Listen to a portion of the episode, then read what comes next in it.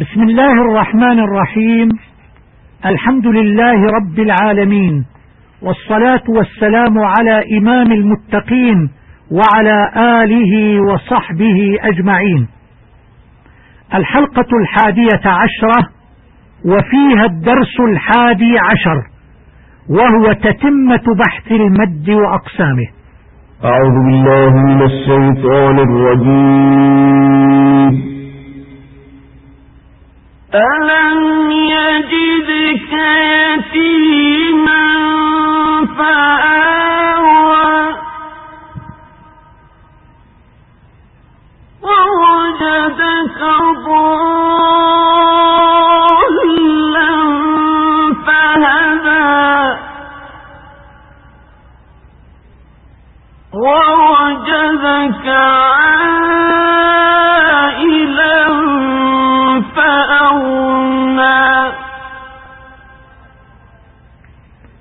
قال تعالى ألف لام تنزيل الكتاب لا ريب فيه من رب العالمين. صدق الله العظيم. مر بنا في الدرس الماضي أن المد الفرعي يكون بسبب من همز أو سكون. وقد تحدثنا عن القسم الأول وهو المد الفرعي بسبب الهمز. ونتحدث في هذا الدرس عن المد الفرعي بسبب السكون. أي إذا كان بعد حرف المد حرف ساكن. مع ملاحظة أن الحرف المشدد عبارة عن حرفين أولهما ساكن والثاني متحرك. والمد بسبب السكون يقسم إلى قسمين المد اللازم والمد العارض. أما المد اللازم وهو إذا جاء بعد حرف المد حرف ساكن سكونا أصليا ومقدار مده ست حركات بدون زيادة أو نقصان وينقسم المد اللازم إلى أربعة أقسام. القسم الأول المد اللازم المثقل الكلمي وسمي لازما للزوم السكون على الحرف وقفا ووصلا وللزوم مده ست حركات وسمي مثقلا لوجود التشديد بعد حرف المد وسمي كلميا لأنه يكون في كلمات القرآن الكريم كما في ولا الضالين. الحاقة الصاخة. القسم الثاني المد اللازم المخفف الكلمي وسمي مخففا لأن الحرف الواقع بعد حرف المد ساكن بدون إدغام أو تشديد. وليس في القرآن الكريم من هذا القسم سوى كلمة واحدة وهي الآن مكررة مرتين في سورة يونس عليه الصلاة والسلام. القسم الثالث المد اللازم المثقل الحرفي وسمي حرفيا لأنه يكون في الحروف الهجائية الموجودة في أوائل السور مثل ألف لام ميم.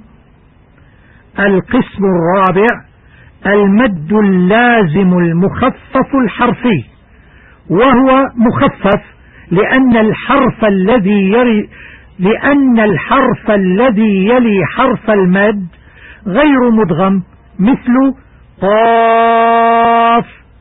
نون صاد. هذا بالنسبة للمد اللازم. أما بالنسبة للمد العارض للسكون وهو أن يقع بعد حرف المد سكون عارض بسبب الوقف مثل الكتاب للمتقين يعقلون. ويلحق بالمد العارض للسكون مد اللين وهو واو وياء سكنتا وانفتح ما قبلهما ووقف على ما بعدهما بالسكون مثل قريش خوف. ومقدار مد العارض واللين حركتان أو أربع أو ست عند الوقف. أما في الوصل فيمد العارض على حركتين إن كان الحرف الأخير غير الهمزة لأنه عاد مدا طبيعيا. ويمد أربع أو خمس حركات إن كان الحرف الأخير همزة مثل يشاء لأنه عاد واجبا متصلا. أما مد اللين فلا يمد أبدا عند الوصل. الخلاصة ينقسم المد بسبب السكون إلى لازم وعارض. أولا المد اللازم ينقسم إلى لازم مثقل كلمي لازم مخفف كلمي لازم مثقل حرفي لازم مخفف حرفي. ومقدار مده ست حركات. ثانيا المد العارض للسكون. يكون سكونه عارضا بسبب الوقف ومثله مد اللين وهو واو وياء سكنتا وفتح ما قبلهما ووقف على ما بعدهما بالسكون. ومقدار مد كل منهما حركتان أو أربع أو ست حركات وقفا. التدريب. لماذا سمي اللازم المثقل الكلمي بهذا الاسم؟ الجواب المد اللازم المثقل الكلمي. سمي لازما للزوم مده ست حركات وللزوم السكون على الحرف وقفا ووصلا. وسمي مثقلا لأن الحرف الذي بعده مشدد أو مدغم وسمي كلميا لأنه واقع في كلمات القرآن الكريم. السؤال الثاني لماذا سمي اللازم المخفف الحرفي بهذا الاسم؟ الجواب المد اللازم المخفف الحرفي. سمي لازما للزوم مده ست حركات. وسمي لازما أيضا للزوم السكون على الحرف وقفا ووصلا. وسمي مخففا لأن الحرف الذي بعده ساكن وليس مدغما أو مشددا. وسمي حرفيا لأنه واقع في الحروف الهجائية في أوائل السور. السؤال الثالث اذكر مثالا على اللازم المخفف الكلمي. الجواب ليس في القرآن الكريم من المد اللازم المخفف الكلمي سوى كلمة واحدة كررت مرتين في سورة يونس عليه السلام وهي الآن. السؤال الرابع ما نوع المدود التالية؟ الطامة. الجواب مد لازم مثقل كلمي.